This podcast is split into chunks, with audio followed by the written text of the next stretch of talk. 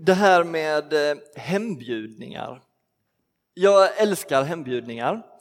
Eller eh, alltså så här, jag är en sån person som tänker om mig själv att jag älskar hembjudningar. Alltså att bjuda hem folk eller gå hem till andra. Jag älskar det men det blir liksom aldrig riktigt av. Det är så himla svårt att få till. Och det är så typiskt bara häromdagen, flyttade ganska nyligen och så har vi lite grannar som bor runt omkring, bland annat liksom en familj, jag känner dem lite sedan innan. Så det är lite kul så här, man har flyttat närmare, så tänker man wow, nu har vi chansen, så här, nu kan vi liksom börja umgås lite mer. Och så eh, blev de först med att bjuda hem oss på middag och redan där så blir det lite så här bara, åh, då ska man ju bara bli glad och tänka man skit också, de hann först. jag skulle ha bjudit in för. Ja, I alla fall så skulle vi liksom ordna det där och man tar upp sina kalendrar och liksom, det är som man får ta fram en stor fet machete liksom, och börja hugga sig igenom liksom, kalenderdjungeln för att försöka hitta en tid när alla kan. Och det går inte, så vi har fortfarande inte eh, kommit hem till dem. Men jag har förstått att det kan vara lite olika där med hur man ser på att bjuda hem folk och att bli hembjuden. Min mamma kommer från eh, Norrbottens inland och vi har liksom en stuga kvar där uppe i familjen. Eh, så mina somrar då brukade spenderas uppe i Norrbottens inland. Och där hade de lite en annan kultur kring det där med att bjuda in, eller att bjuda in sig själv än vad vi har här. Här är det knappt att man vågar gå hem till någon ens om man får en inbjudan, för man säger, men menar de verkligen det eller säger de det bara för att vara trevliga? Liksom. Där var det mer så här, enda förvarningen man fick innan ett besök var det här liksom, lite skrapandet liksom på trappan innan de klev in. Eh, och sen så var det ju bara rätt in i köket, eh, det, ni vet det är en så typisk gammal stuga med kök och vardagsrum i samma, det är kök och så en liksom, kökssoffa. Eh, det är rätt in där och så är det bara fram till spisen, hälla upp en kopp kaffe och sätta sig. Och, och först då börjar de reflektera över, så här, undra om det är någon hemma. Så det, det, var inte så relevant. Och, om man då i tonåren hade haft lite sovmorgon och så kom man upp på morgonen och så, så, så satt det någon vilt främmande norrbottning där som pratade en dialekt man inte ens förstod överhuvudtaget vad de sa. Det var ju lite annorlunda så för mig som är uppvuxen i Skåne. Men, men där uppe var liksom köket, vardagsrummet, det var nästan som ett offentligt rum. Det var liksom inte det privata rummet, utan det hade ju alla tillgång till. Däremot så skulle de aldrig någonsin har fått för sig att knalla vidare in i ett sovrum eller på toaletten. För det var ju liksom off limit, dit in går man inte. Men där vi kommer ifrån är lite mer så här, man vill gärna bjuda in folk, men det är knappt att det blir av. För man vet så här, om jag ska bjuda hem någon, då är det ju liksom en heldags arbete med förberedelser. Först ska man liksom ägna sig åt en hel vårstädning av hela huset och sen måste man servera liksom en trerätters middag och det måste vara ja, man kan ju överdriva det, men ni, ni, ni, känner igen er lite. För man vet ju också att ja, här, det är sällan någon kommer hem till mig, men när de väl har kommit innanför, då är det liksom lite allt eller inget. Är de väl innanför tröskeln, det första som händer, det är ju liksom en fullskalig husesyn, när man ska gå ner i källaren och knacka liksom på bjälklagren och man ska liksom så detaljstudera de senaste renoveringarna så ska man stå där och humma lite så här, mm, fast man fattar ingenting egentligen. Jag, jag kan ingenting om renovering. Och det, det finns egentligen bara ett enda undantag, ett ställe där man inte får gå in och det är i garderoberna. För där vet ju alla om att världen liksom har proppat in alla grejer som låg, för en halvtimme sedan låg de utspridda i huset. De har liksom bara pressat in dem i garderoben och det vet ju alla, men man är lite fin så man öppnar liksom inte och kollar i garderoben. Annars är det fritt fram överallt. I England har de löst det här hela bekymret på ett lite annat sätt. Man har kommit överens här, vi har en gemensamt vardagsrum på puben. Så här, jag behöver inte bjuda hem dig, du behöver inte bjuda hem mig, vi behöver inte städa, ingen behöver laga mat, nu ses vi på puben. Det är en fin lösning. Men jag gillar det där med att bjuda hem folk och att bli hembjuden. Det är liksom lite intimare ändå. Jag, jag, jag, jag vet inte om ni håller med, men jag, om man liksom verkligen vill lära känna någon, då vill man ju bli hembjuden. Liksom. In i deras hem och in i deras liv, liksom. få se hur de har det. Jag vet inte om ni håller med mig om det. Jag, jag vill inte gå all British liksom och, och, och missa det där. Vi håller på att predika här i januari om tillbedjan i Uppenbarelseboken. Och, och då kan man fundera på vad tillbedjan har med hembjudningar att göra. Och faktum är att de har ganska mycket med varandra att göra i Uppenbarelseboken. Tillbedjan är hembjudning.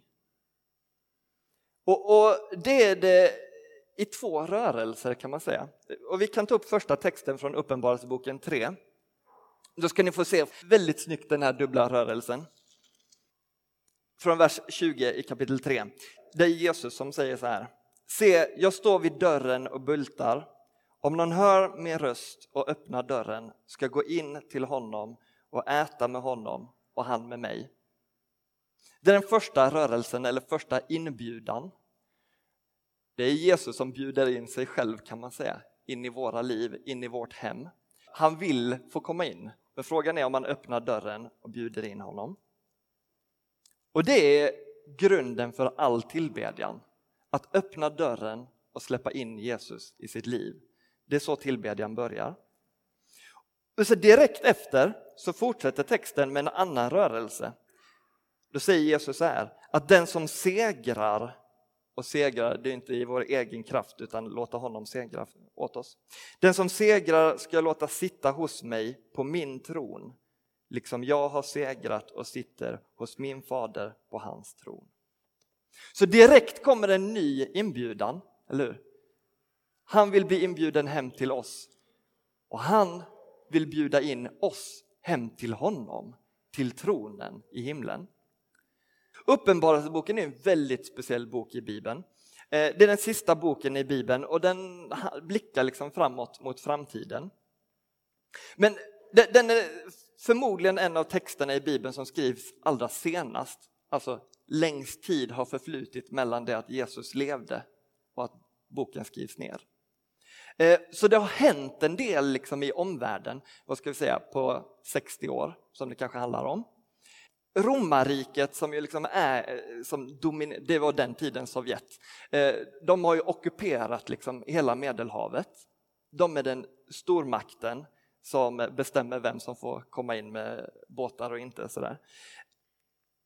Romarriket, de har liksom, nu har de börjat få nys om att det har poppat upp massa kristna överallt som börjar snacka om en gud, en gud som de hade korsfäst själva. Då tänkte de så här, nu är det färdigt, vi korsfäster honom, klappat och klart. Nej, nu ska de komma tillbaka, ställa till med massa otyg. Och nu så 60 år senare så börjar det verkligen bli tufft för de kristna. Liksom myndighetspersonerna, de har börjat, alltså, vi vet inte exakt hur illa det är med den här förföljelsen. För det, troligen så handlar det mest om grova trakasserier och att de liksom blir utanför. Men, men det nämns att åtminstone en person har dött till följd av de här förföljelserna. Så det börjar ändå liksom eskalera och bli kritiskt. Och till råga på allt så börjar de här små församlingarna som det handlar om, det är ju små församlingar som liksom träffas i hem de börjar, eh, de börjar kastas ut ur synagogorna där de tidigare höll till. För judarna vill ju inte drabbas av den här förföljelsen som nu börjar drabba de kristna. De vill kunna säga det är de där som är konstiga, inte vi, ger på dem. Eh, så de har liksom börjat bli väldigt marginaliserade här och ensamma, de kristna. Och just Uppenbarelseboken den skrivs till sju församlingar som ligger i dagens Turkiet, liksom mot västkusten till kan man säga. Sammanlagt de här sju församlingarna är ju inte fler förmodligen än vad vi är här inne. Kanske så här många, möjligen, att de är i sju församlingar. De har börjat bli förföljda, de känner liksom hur trycket, pressen ökar.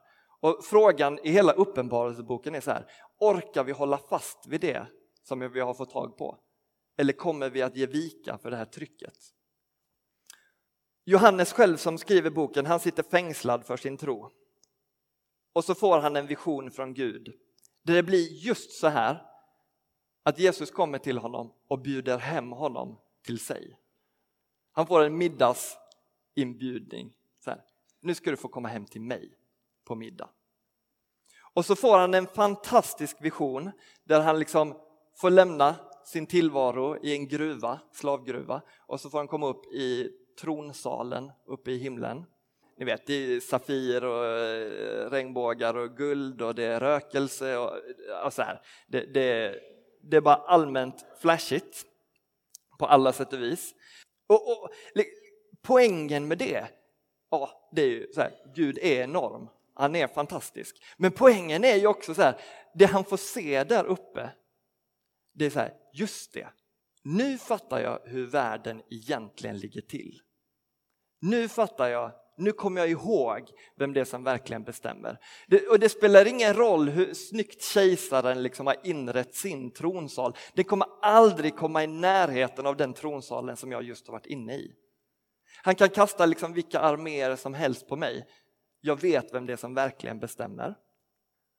Och efter det, när han har fått bjudas upp i den där tronsalen, så liksom fortsätter Gud att visa den här visionen, när han får se framtiden.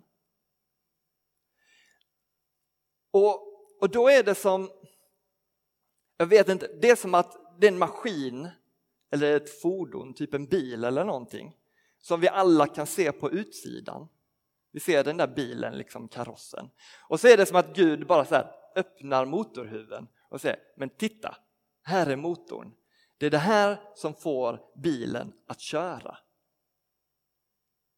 Och alla andra kan liksom se, undra så här, men hur funkar den här bilen? Just nu står den still, kommer den någonsin röra på sig? Och så är det som att Johannes liksom, han får bli bilmekaniker och liksom, tillsammans med Gud får sätta sig ner och börja titta på motorn och se, men hur funkar det här egentligen? Vad är det som driver bilen? Och så i hela den här liksom visionen då, när han får se framtiden som liksom rullas upp framför honom som en berättelse, så blir det så tydligt så här, men det är Gud som är motorn. Det är Gud som driver bilen, det är Gud som driver världen framåt. Det är han som har makten, det är han som kommer se till vad som ska hända, vad som inte ska hända. Och det spelar ingen roll vad kejsaren har lagt ut för planer, för han kan vara död imorgon. Och även om han inte är det och även om han får genomföra alla sina planer så ska du se, se att Gud ändå har lyckats få det dit han ville. Han liksom sitter där och styr i skymundan ändå. Jag vet inte det blir liksom väldigt kortfattat. Och eh, ni får gå hem och läsa de här texterna själva om ni inte liksom hänger med. Men, men jag vet inte hur du idag känner när du liksom presenteras för hela det paketet. Eh, alltså jag kan, ibland kan jag nästan känna att det är lite hotfullt och läskigt att Gud ska sitta på tronen och bestämma allting. Så här, vart, vart tog liksom min vilja vägen? Eller vart, vad Liksom, vad hände med mig i den där stora berättelsen?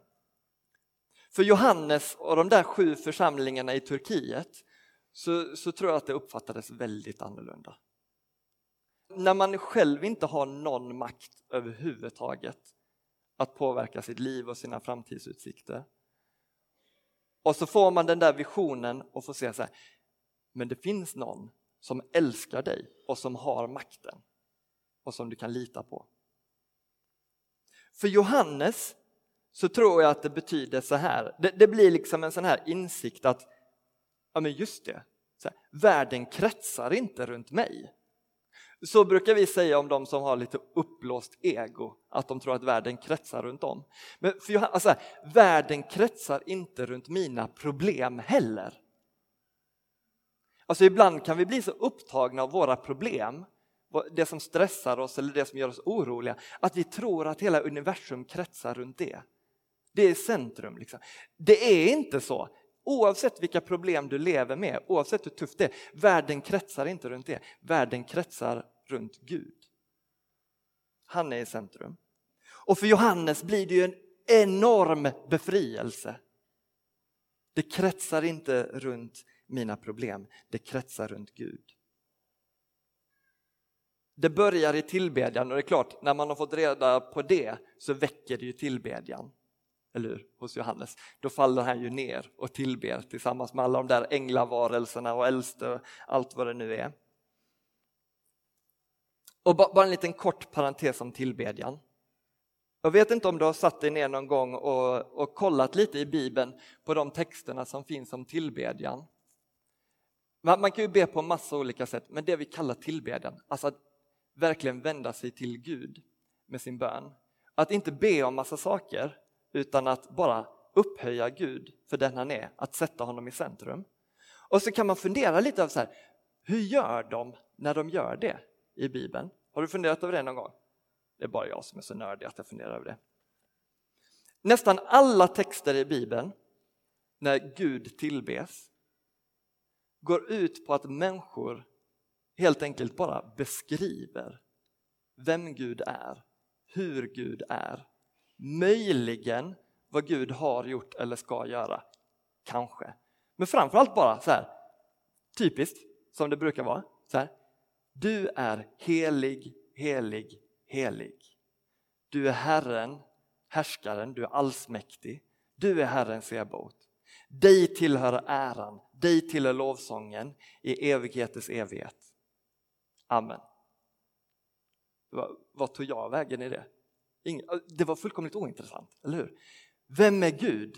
Det är som en kärleksförklaring, så är det ju när jag ska göra en kärleksförklaring till min fru också. Då börjar jag inte med att beskriva mig, mig själv, liksom. utan jag beskriver ju vem hon är. Eller hur? Du är vacker, du är fantastisk, du är underbar.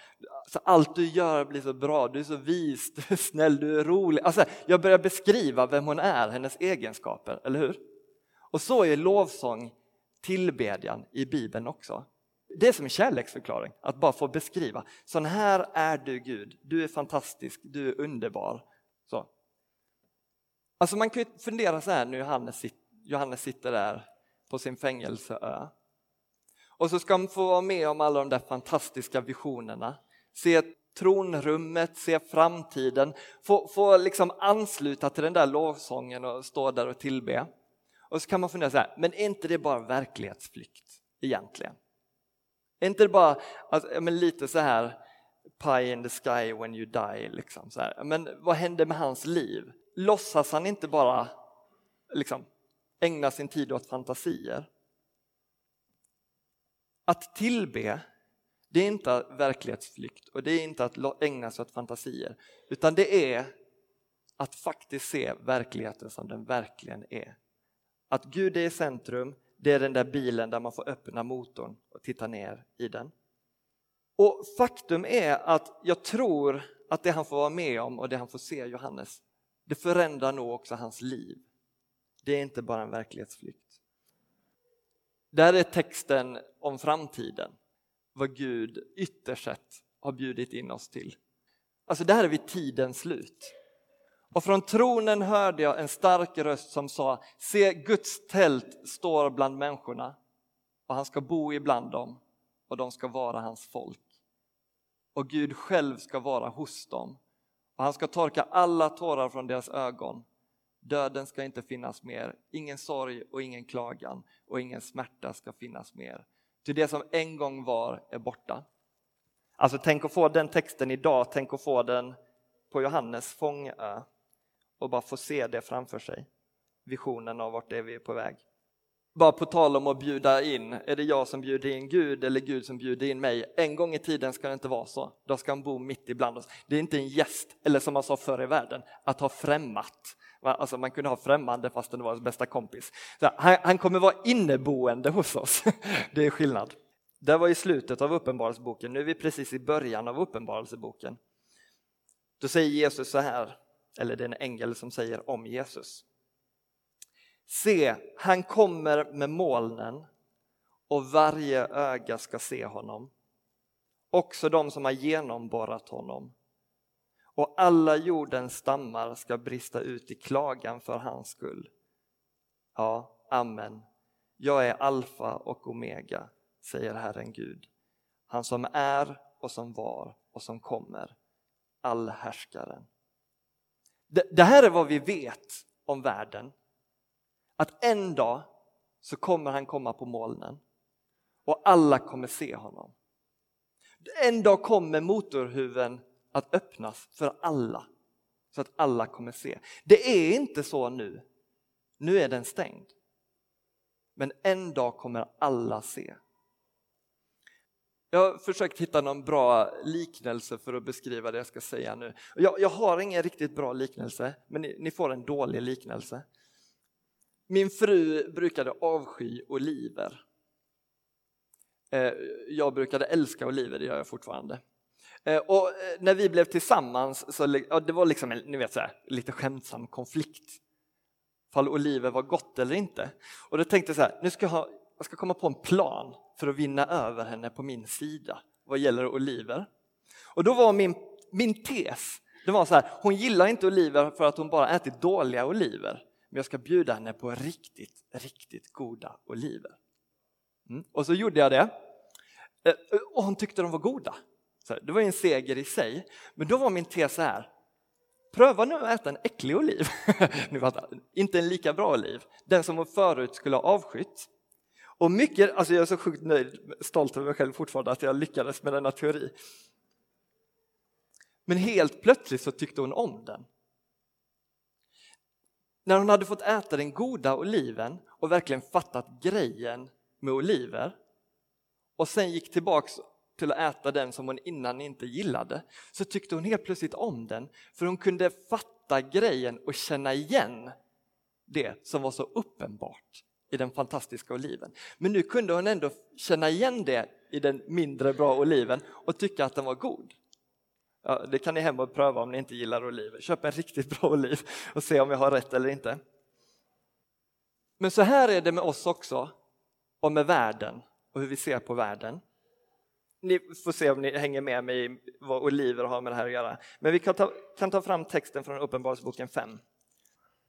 Det här är också en sanning om världen, om hur det ser ut där under motorhuven. Allt skapat i himlen och på jorden och under jorden och på havet och allt som finns där hörde jag säga. Den som sitter på tronen, honom och lammet tillhör lovsången och äran och härligheten och väldet i evighetens evighet. Alltså, det här är sanningen om världen.